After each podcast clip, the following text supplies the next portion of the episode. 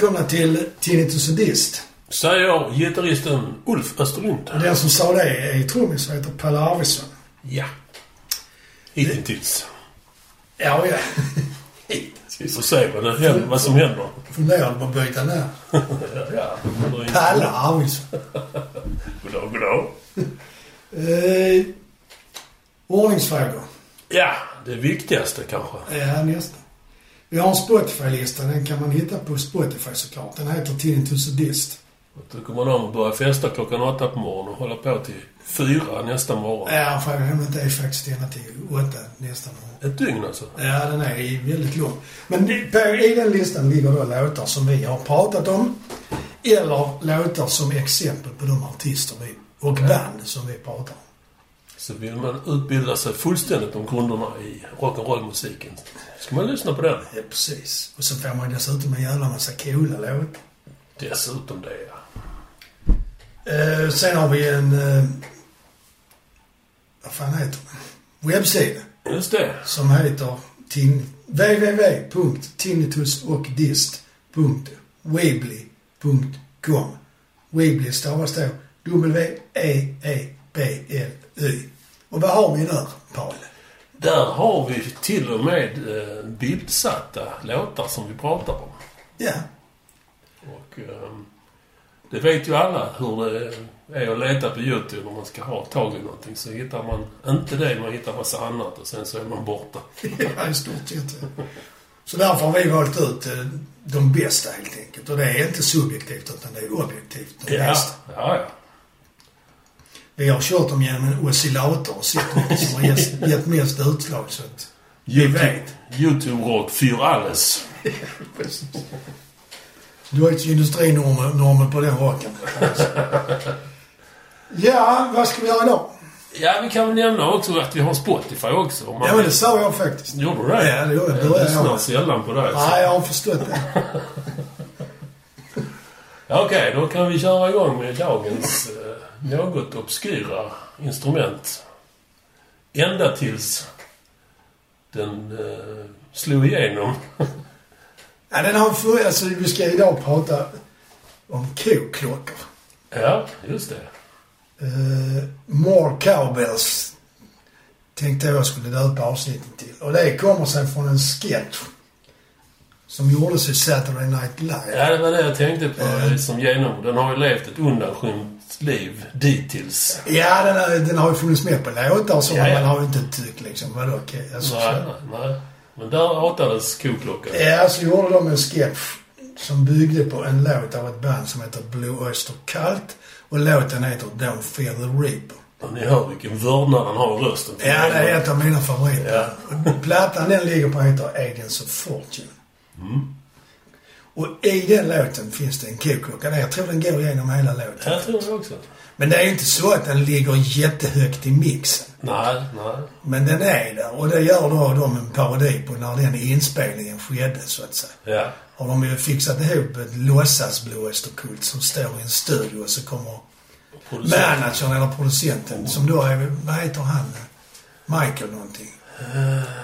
Han som är med i Deer Hunter och en massa andra sådana filmer. Ja, det vet jag inte. Googla. Så kommer han in och tycker att det är coolt med kickklocka. Vi får more cowbell, more cowbell. Och Will Ferrell som då spelar snubben som eh, spelar kickklockan i sketchen. Han går igång riktigt. Han ser sin chans att glänsa i rockhistorien. Ja. Så det är hans fel. Ja, det kan man säga. Men i vilket fall som helst så är det då Blue Oyster Cult. Och på den tiden så hade de ju faktiskt... De hade varit jävligt stora. Nej, jo, de hade varit väldigt stora i och med den hiten. Mm. Den Don't Fear the Reaper. När de fick den hiten då blev det meganivå på deras band. Ja. Men sen var det lite decline där eh, under tio år ungefär. ja. Så att Eric Bloom som då är sångare i, en av sångarna och gitarristerna i Blue Oyster Cult, han har själv erkänt sen efteråt att först tyckte han nog inte att det var så roligt men sen insåg han ju att de fick en revival tack vare det faktiskt. Ja. Så det hjälpte dem också. De har varit i Sverige också. Och jag har sett dem i Fox Park en gång. Oj. Och ja, det är nog enda gången faktiskt. Ja. Det var tidigt eh, 70-tal 76, 77. Det var nog ungefär när de kom med den Agents of Fortune-plattan. Under deras första peak. Ja, när de var som störst här. Mm. Mm, ja, Blue Oyster Cult där med the Raper, de, de, eh, de steg ju rakt upp men det gjorde också att deras sound ändrades. Mm. De, jag tyckte de var coolare innan den hitten. Sen är den plattan jävligt bra, Agents of Fortune. Det är ofta så med hittar. Det, det slår brett så... Ja, ska man upprepa det och då smörar man till sig lite. Ja. Det är mer pop i den låten än vad det brukar vara annars kan jag faktiskt. hålla med om.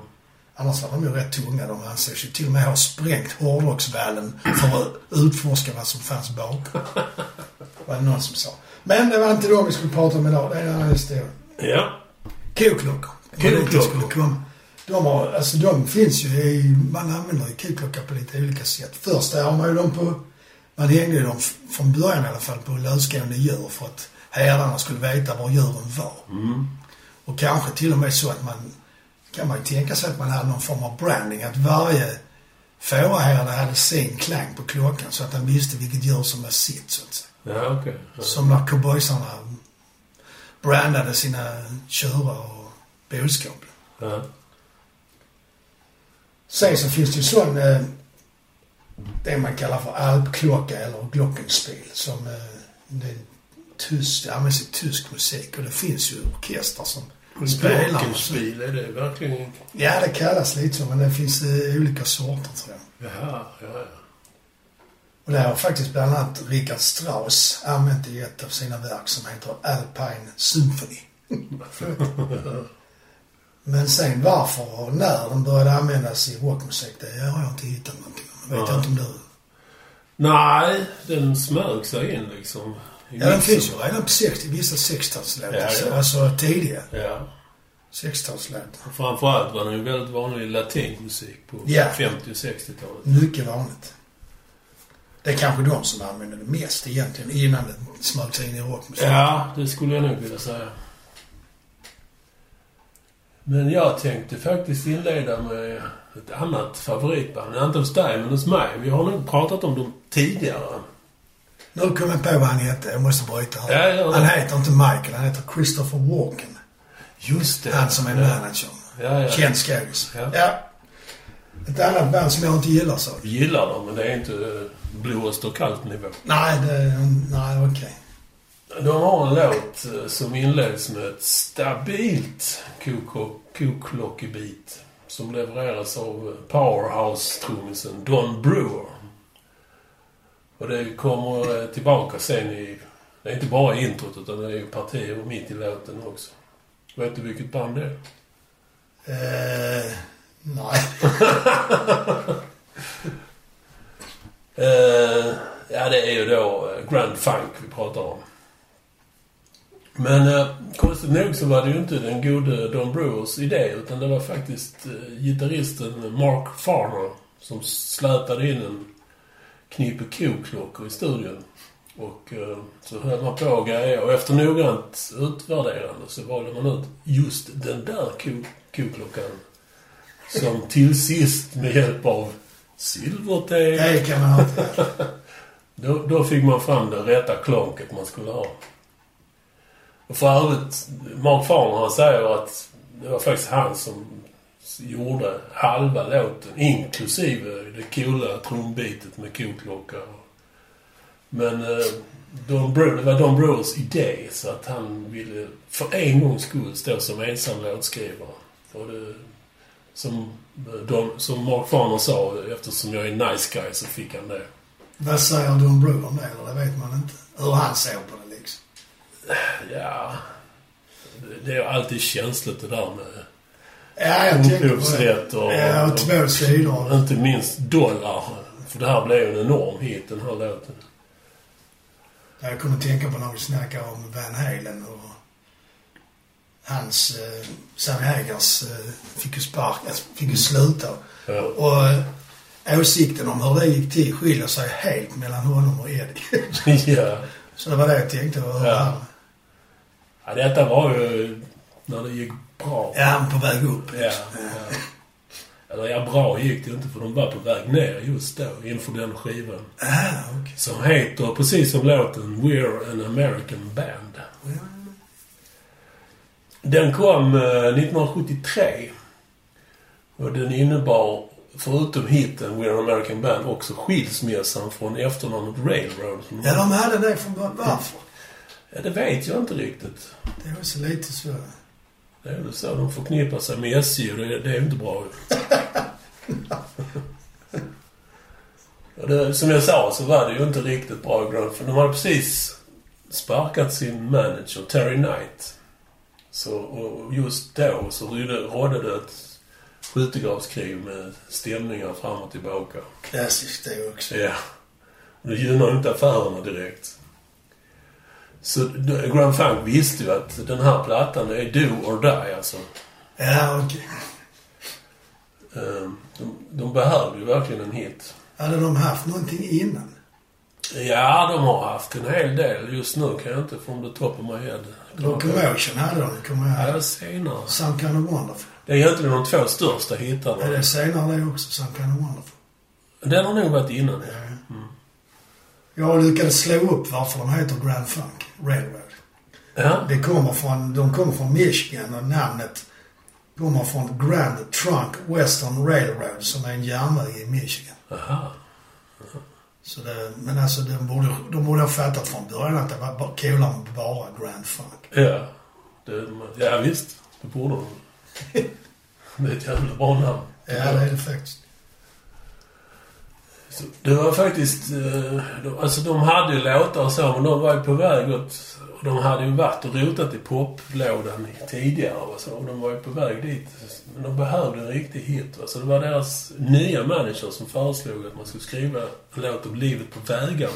Ja, okej. Och där gick eh, Don Brewer igång och blev inspirerad. Och kläckte fram... eh, Han spelade lite gitarr också, så han klä- kläckte fram det här riffet i rockrökaren. Som handlar om party och brudar. Ja, ja. är det inte därför de flesta börjar spela ett rockband? Igen. Det var faktiskt även så att det blev en sidoeffekt. En groupie som... Som plötsligt blev ri- rikskänd i USA. Hon finns med te- med textraden Sweet, sweet Connie was doing her act. Ja, okej. Connie Hamsey hette hon. Det finns ju ett par sådana kändisar. Ja, ja. Barrows är ju ja, jag tror de flesta har kommit fram med låttexter. Ja, det är möjligt. Och sen är det ju en som var ihop med Jimmy Page ganska länge också. Förutom det. Dylan då. Och det var väl inte... Det var väl lite nasty det. Men... Ja, för det hon var inte så gammal. Nej, just det. Det är inte en som har diskuterat varför är rockstjärnor så glada för småflickor? Det är oerhört märkligt, faktiskt. Men den här Connie Hamsey. Det finns mer om henne i texten. Bland annat att hon låg med hela Grand Funk.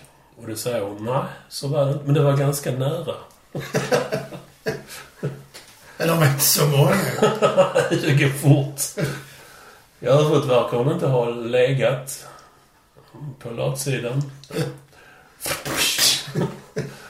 Eh, Don Brewer, han är buksvåger med storheter som eh, John Bonham, Keith Moon, Huey Lewis, Peter Criss och självklart Bill Clinton.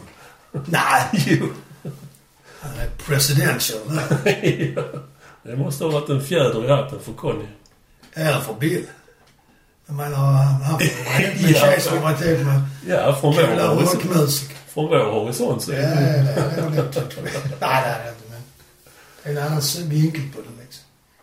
Ja, den här We're an American Band-albumet, den släppte ju, släpptes då eh, 73 som jag sa då, för att nå... Den hjälpte dem att nå den absoluta toppen just då.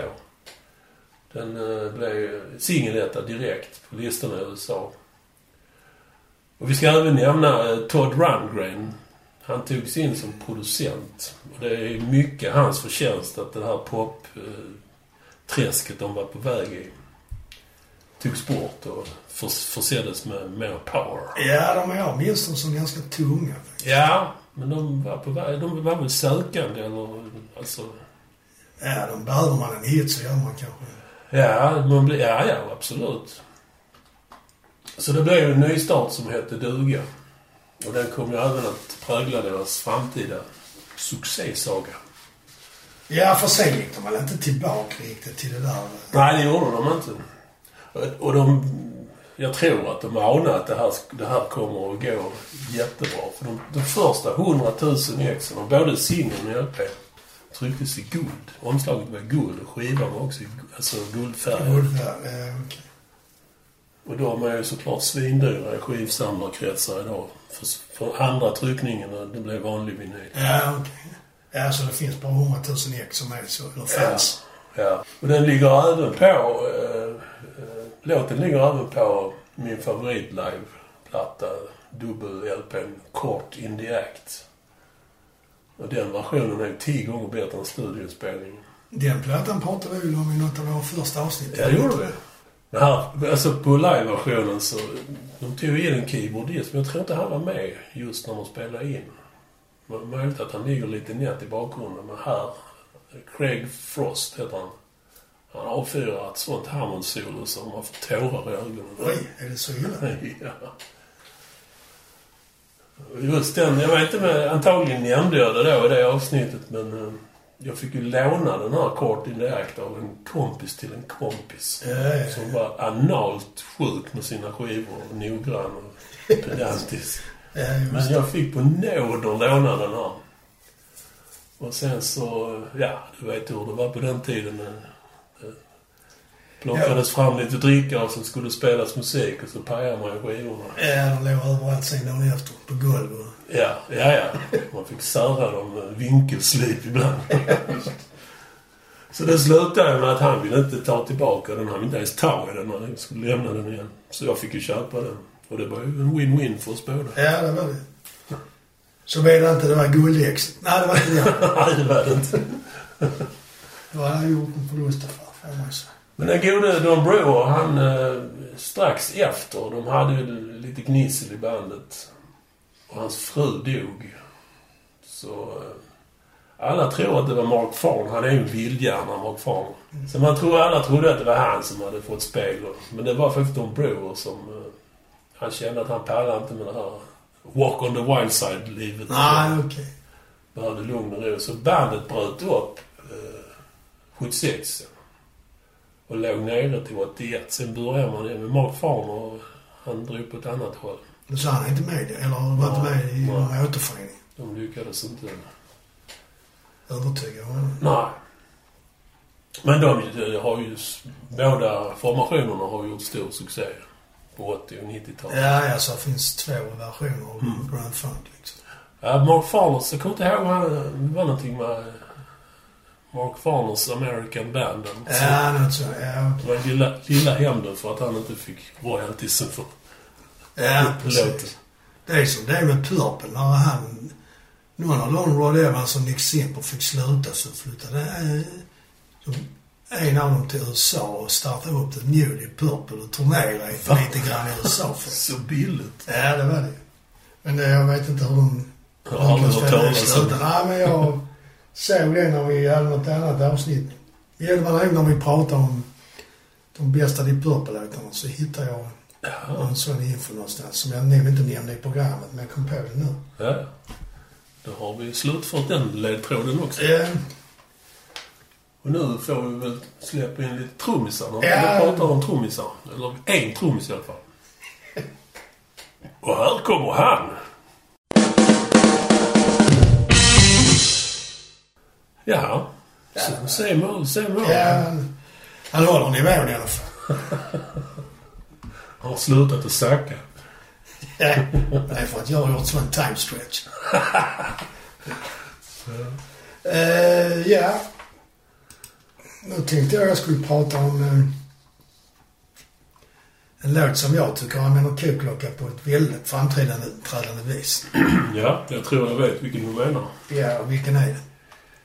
Ja, det finns ju två. Det var den du nämnde, Blåst och kallt-låten och sen Honky Tonk Women. Det är Rock Dog Woman eller Women. Ja, misstänkte det. Och det är ju de med Rolling Stones. Som i övrigt inte kräver någon presentation, så jag drar inte det. Vet ni inte vem Rolling Stones är så har ni mycket att upptäcka. Som vi är avundsjuka på. Så som Pelle brukar säga till mig om Genesis. och Yes. Du börjar ju aldrig. Nej, men jag har fortfarande mycket upptäckt. Först tänkte jag passa på att berätta om när jag föll för Stones på riktigt. Mm. Jag hade ju faktiskt på 60-talet någon av deras EPs som jag hade fått av min kusin flera år som jag minns det i alla fall. Vad är det för skillnad på EP och en singel? EP är fyra låtar. Jaha. Singeln är en låt på varje sida. Och då hade jag The Last Time bland annat. Mm. Under deras poppiga period. Ja. Och egentligen på den tiden så, ja, jag var ju nog mer förtjust i, i Beatles. Ja. Det var lättare tror jag. Mer lättillgängliga. Lättare musik för ett barn liksom. Ja. Men i alla fall när jag gick gymnasiet så hade vi, hade vi midsommarfest i Ljunghusen hos någon som kände någon som kände någon. ja, du vet hur det var. Som det var på den Ja, tiden. precis. Och då skulle man visa Stones på TV och det var en konsert från Abattoir i Paris tror jag. Mm. Och det var från den turnén som senare blev dubbelplattan Love You Live.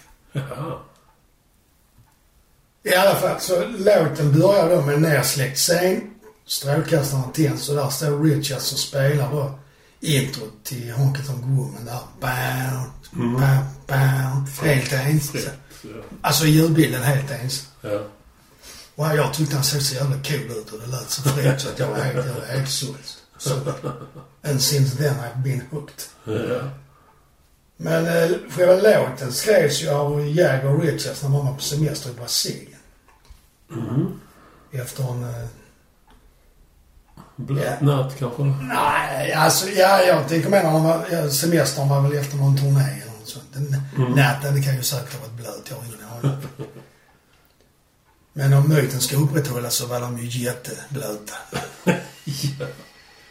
Eh, Men eh, den låten, som Honky Tonk den finns i två versioner. Det finns en som heter Country Honk. Som ligger, ligger på uh, Let It Bleed-plattan. Som är en mer country-låt. Ja. Liksom. Och arvet, och så finns det rockversionen. Och de två skiljer sig. För arvet är country i den första och texten i första versen på countrylåten är annorlunda i den första versen i Ja. rocklåten. Jaha. Den är ju väldigt så tydlig där. Eh, I met a gin-soaked ballroom queen i Memphis. Man fattar direkt vad som, kom, vad som är på gång. Liksom. Ja. Ja. Medan han i den andra sjunger någonting. I'm sitting in a bar in Jackson sipping on a jar eller något sånt. Så det är mycket snällare. Ja. Och det är ju som sagt eh, rockversionen som är bäst och mest omtalad. Och den släpptes faktiskt bara som singel från början. Den är inte med på någon platta. Sen finns den på en massa samlingar och sånt ju, så att den finns ju sen på LP och så. Jaha. Men jag menar ett par introt är ett magiskt ögonblick. Ja, för det är det. Ensam koklocka, cool trumrek och komp. Och så Richards eh, gitarr Ja. på den liksom. Och jag hävdar och har alltid hävdat, trots att framförallt gitarrister säger att det går att spela trummor och det, den koklockerytmen samtidigt. Nej, säger jag. Jag eh, får nog hålla med dig för det, är, det låter enkelt men det är inte så enkelt som det verkar för det är Jimmy Miller, producenten, Så som där, spelar ja. koklocka. Så där, ja, nu trillar de in bevisen. Och han kom, enligt Charlie Watts så kommer Jimmy Miller ligger fel i tajmingen. Charlie som kommer in på trummorna kommer in fel, erkänner han själv. Så, men Kate kommer in rätt och då, det är därför det funkar menar Charlie Watts. För det låter bra ändå liksom, även om man... Ja, men det gör det. det, det visst. Det är ju ett klassiskt, av, av klassiska rockintro så är väl det att det är ju Smoke on Water och, Absolut. och detta och kanske All Right Now som för övrigt också innehåller Keklock. Ja, ja, Och sen några till, men som är ikoniska intro liksom. ja. Stämmer. Sen så du är ju trummis och rytmiken på klockan uppfattar jag som rätt udda faktiskt. Ja, den är... Det är ju det som är konstigt också, men det förklarar ju sig att det inte är en trummis som gör det, utan det är någon annan. Ja, han spelar faktiskt trummor. Han gjorde det? Ja, han är trummis, men han är ju inte... Charlie Watts säger faktiskt i någon, eh, på något ställe att eh, Jimmy Miller var ju ingen ly- lysande trummis, men han var en bra trummis på det sättet för han, han lärde Charlie Watts vad som, hur man ska spela i en studio. Mm. Och det är faktiskt Jimmy Miller som spelar trummor på studioversionen av You, You can't always get what you want. Jaha. Som finns på Let it bleed. Vad han inte lärde honom däremot var att inte öka. Ja, det gör ju Honkton Gwyn. Big ja, time. men Richards hävdar att det är meningen. Ja, jo. Det, man har alltid köpt det, konstigt nog. Men det... det- är ju ingen liten tempo. Nej, nej. Så börjar man låten och sen låter den gå igenom så hoppar tillbaks från slutet till Ja. början så oj, tänker man. Det är då man märker. Man, man, mär- ja, man märker att det är lite på väg liksom. Det är Äh. inte så pass stor skillnad som om man gör som du sa. Nej, det är mer att man upplever att det är intensitetshöjd. Ja, ja. Det är inte så att man tänker på att farten ökar. Och det är ju ett vanligt fenomen och, och det ska vara så. Alltså om man till exempel spelar vers på en låt och går in i refrängen så ökar det automatiskt lite, lite grann. Det märks inte men det behövs för att intensiteten i Ja, refrängen... okej. Är det inte så också att Stairway to Heaven också ö- ökar? Vet jag inte. Har jag För på. Jimmy Page har uttalat sig någonting om det. förresten. Jaha. Men vad kallas den rytmiken som han spelar där? Det är ju inte någon salsa-rytmik. Eller det är det det är kanske. Det, det är nog någon slags Alltså någon latin. Ja, lite olika referenser som, som han har fått in i huvudet. Eh, Du har ju lite rätt i det också. För det där att det är svårt för en trummis att lira det. För att det är sällan Charlie Watts har lirat eh, koklockan och trumintrot live. Nej, jag har aldrig sett. Vem spelar koklockan på live? Ibland gör eh, Chuck Leavell, eh, keyboardisten. Och ibland tror jag faktiskt de har eh, sequence. Jaha. Men det vet jag inte. Det är bara som man, man kan ana när man tittar på konsertklipp och där är, Vem fan spelar koklockan liksom? Så det är Ja, sånt. ja. Det är också en annan grej med koklockan. Den är väldigt liten så den syns ju inte. Nej, men om, man, om det är Chuck Leavell som spelar så håller han den i handen och slår på den. Ja. Men om det är en trummis så sitter den ju fast på trumsidan. Då är den svår att se såklart. ja.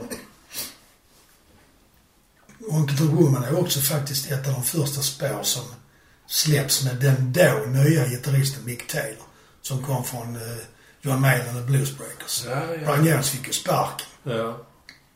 Han, Kate Richards har ju sagt, bland annat i sin bok tror jag, Life, att eh, det gick ju inte att ha han, honom med för att han var ju inte kapabel till att kunna turnera och spela, stå på scen varje kväll Ja. i två timmar och liksom överleva det för hans skick var så dåligt. ja. Så de diskuterade i bandet eh, fram och tillbaka och in och ut och upp och ner och allt möjligt. Till sist så satte de sig, Charlie, Kate Richards och eh, Jagger i bilen och åkte ut till Brian Jones och förklarade hur sakerna lät till. Och han köpte det. Mm. Även om han ju inte ville det skulle man inse att, som när ett djur inser att det inte är lönt att fortsätta springa längre för jag kommer ändå bli uppäten. Mm. Han har gett upp liksom. Ja. ja, det är sorgligt. Ja, det är Sen så var det ju också så att han hade ett avtal som skulle få 100 000 dollar om året eller om det var en miljon. Så Jaha. länge han levde. Jaha. Så att, eh, men han levde tyvärr inte så länge. Nej. Han dog ju ganska snart därefter. Ja. I alla fall Mick Taylor. Richard säger att Mick Taylors bidrag på låten tillförde mycket och vände den upp och ner. Medan Taylor själv minns det som att det mesta var klart när han gjorde sina insatser. Mm. Ja, det är ju väldigt länge sedan. Och det var ju mycket droger och Ja, sprit. ja, visst. Det är klart. De visste ju inte när de spelade in den att den skulle bli en av världens största låtar. Nej, nej, nej, nej, det visste de ju inte såklart. Nej, minnet är en lustig sak och en annan lustig sak är att låten heter ju Honky Women. Men de sjunger Honky Tonk Woman i refrängen. Jag har aldrig tänkt på det. Är väl så är det faktiskt. Och sen en annan grej är att Charlie Watts spelar alltså även om han inte spelar koklockan så kunde han ju spela det andra som spelas på trummor. Det gör han inte heller. Jag har inte. Ja, mycket sällan jag har hittat, eh, jag har inte jag tittat på alla konserter med Stones, men Mm. det är rätt ofta att han inte spelar den rytmiken som finns i studioversionen på trummor. Jaså? Vilket då jag anser är- något av det coolaste med låten, för det ger den en stabilitet. Annars när, man, när han spelar den live ibland, speciellt på 70-talet, så är den ju mer slapp. För att bastrumman ligger inte på samma ställe i eh, live som den gör i studion. Eller om det är att han har lagt till något slag, jag vet inte. Men det blir inte den stringensen liksom. Jag trodde kanske han skulle utvecklas i Billy Cobham. Det finns ju också mycket rykten och skrönor och snack runt själva Stones liksom. En är ju att det är Ray Cooler som lärde Richards att spela så som han spelar på intro till Honky Tonk Woman. Jaså? Ja, det är inte otänkbart. Nej, Richard säger ju själv att det var Kola som visade honom den öppna G-stämningen som han använder. Det vill säga han har stämt gitarren i ett G-ackord. G-dur-ackord. Så när han slår på lösa strängar så är det det ackordet. Ja. Lite fegt. Ja, men det gör att man kan ta grepp på ett annat sätt och då klingar det annorlunda. Jaha, ja. Richard har ju dessutom tagit bort den lägsta strängen på gitarren. ja. Han spelar eh, med en stämning G, D, G, H, D. Mm. Och som han själv säger, five strings, three chords, two fingers and one arse. Singeln eh, släpptes. Den låg som jag sa inte på någon platta. Album. 4 oktober i eh, UK. Och det var faktiskt dagen efter de hade hittat Bangeros död i sin pool. Oj, oj, oj. Sen, men det, det var ju bara ett sammanträffande. Ja, sånt lär väl vara planerat sen ja, det kan inte vara så. Nej, nu släpper vi den imorgon. Det ska ju tryckas och allt möjligt. Ja. Och en vecka senare släppte man den i USA. Den blev etta i USA och låg på listan i 16 veckor. Och etta i UK och i Sverige plus 25 andra länder. Oj, oj, oj. Så det är en av deras största låtar. Absolut. Och jag hävdar ju att det är ett av Stones mästerverk. Ja, det kan jag hålla med om. Det är den och... En låt som är liknande. Start Me Up. Ja, det är lite samma tanke där på sin mm. gitarrgrejer. Ja. Liksom. Sen har de gjort mycket annat bra också. Ja, ja, men just de... Alla har ju sitt mästerverk och den är väl en av dem tycker jag. Ja, absolut. Ja, ska vi släppa in Charlie? Ja, på tal om mästerverk. Och där var han färdig igen. Det var lite längre denna gången, var det inte det? Ja, men det är Time Stretch. Ja, ja, du sa det. Dator, äh, gummiband i datorn. Man stretchar. Nej, Ja, det är något sånt på, i det programmet jag använder som gör att man kan... Ja, det, är någon form av gummi. Man kan timestretcha, men jag fattar inte hur man gör så. Jag har aldrig gjort det. Det är utan att det sjunker i... Ja, det är något med datorn där som rör ut på något sätt. Att, Jaha. Ja, man kan göra mycket med transistorer eh, och handleda. och rör. Eh, Ja, vi har en annan eh, favorittrummis också. Och där är vi ju nog rätt överens. Den här killen, han brände ju allt sitt koklockekrut på en enda låt under sin karriär. Vad jag vet. Ja, det stämmer inte för han spelar faktiskt skoklocka på den eh, första plattan de gör. Ja, Den första låten faktiskt på den plattan. Ja, Jag kommer inte ihåg vad den heter. Dum, dum. Dum, dum. ja just det. fan heter den? Ja, det googlas för fullt. Men i alla fall så tror jag att han avslutar eh, koklockekarriären med den här låten. Och därefter åkte koklockan längst ner i trumcaset och glömdes bort. Good times, bad times Så heter den, ja. Just det. Och låten eh, som jag pratar om nu, det är naturligtvis trumsololåten Moby Dick. Han kastade koklockan när han köpte en jättegånggång istället. Han bytte in rakt av. Nej, det. Och på 70-talet så trumsolon stod ju högt i kurs. Ja, det var mycket viktigt. Och de stod så högt så att man till och med kunde tänka sig att lägga det på en låt som består av 90% trumsolo på en studioplatta. Ja, det har de faktiskt, har du rätt. Ja. Och, ja, jag vet att den kom 1969 så det är ju inte 70-tal men det är close enough. Ja, men man räknar ju ändå Zeppelin som ett 70-tal. Absolut. Ja. Eh, Den den är faktiskt nerklippt eh, på studioversionen. Jaha, De visste ihop jag det.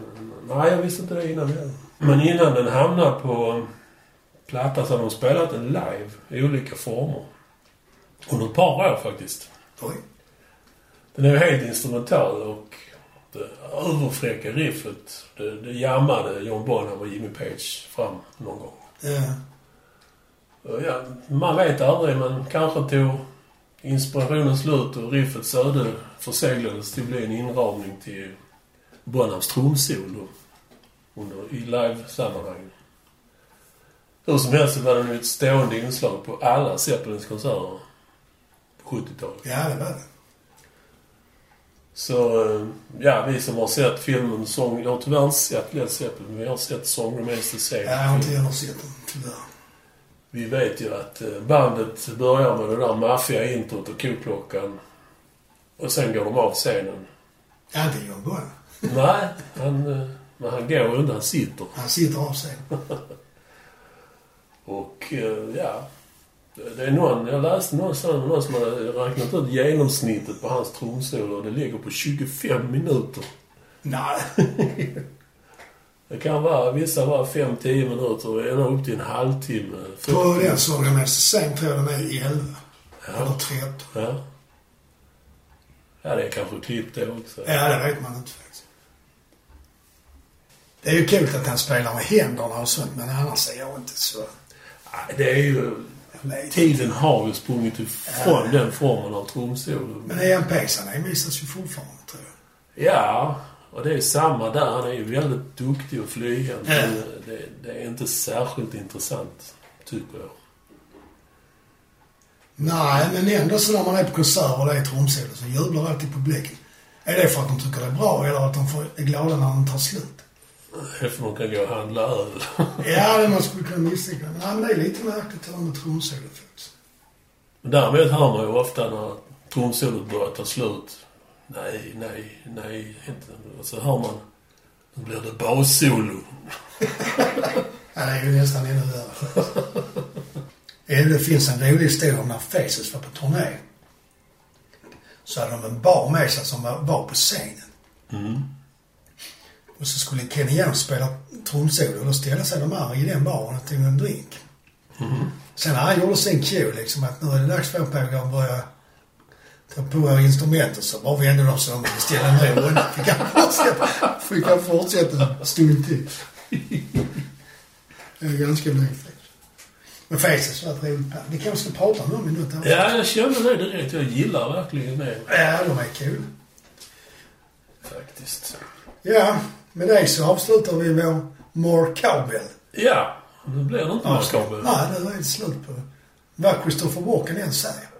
ja. Så vi tackar väl för idag. Ja, det tycker jag vi gör. Och säger hej då. Hej då.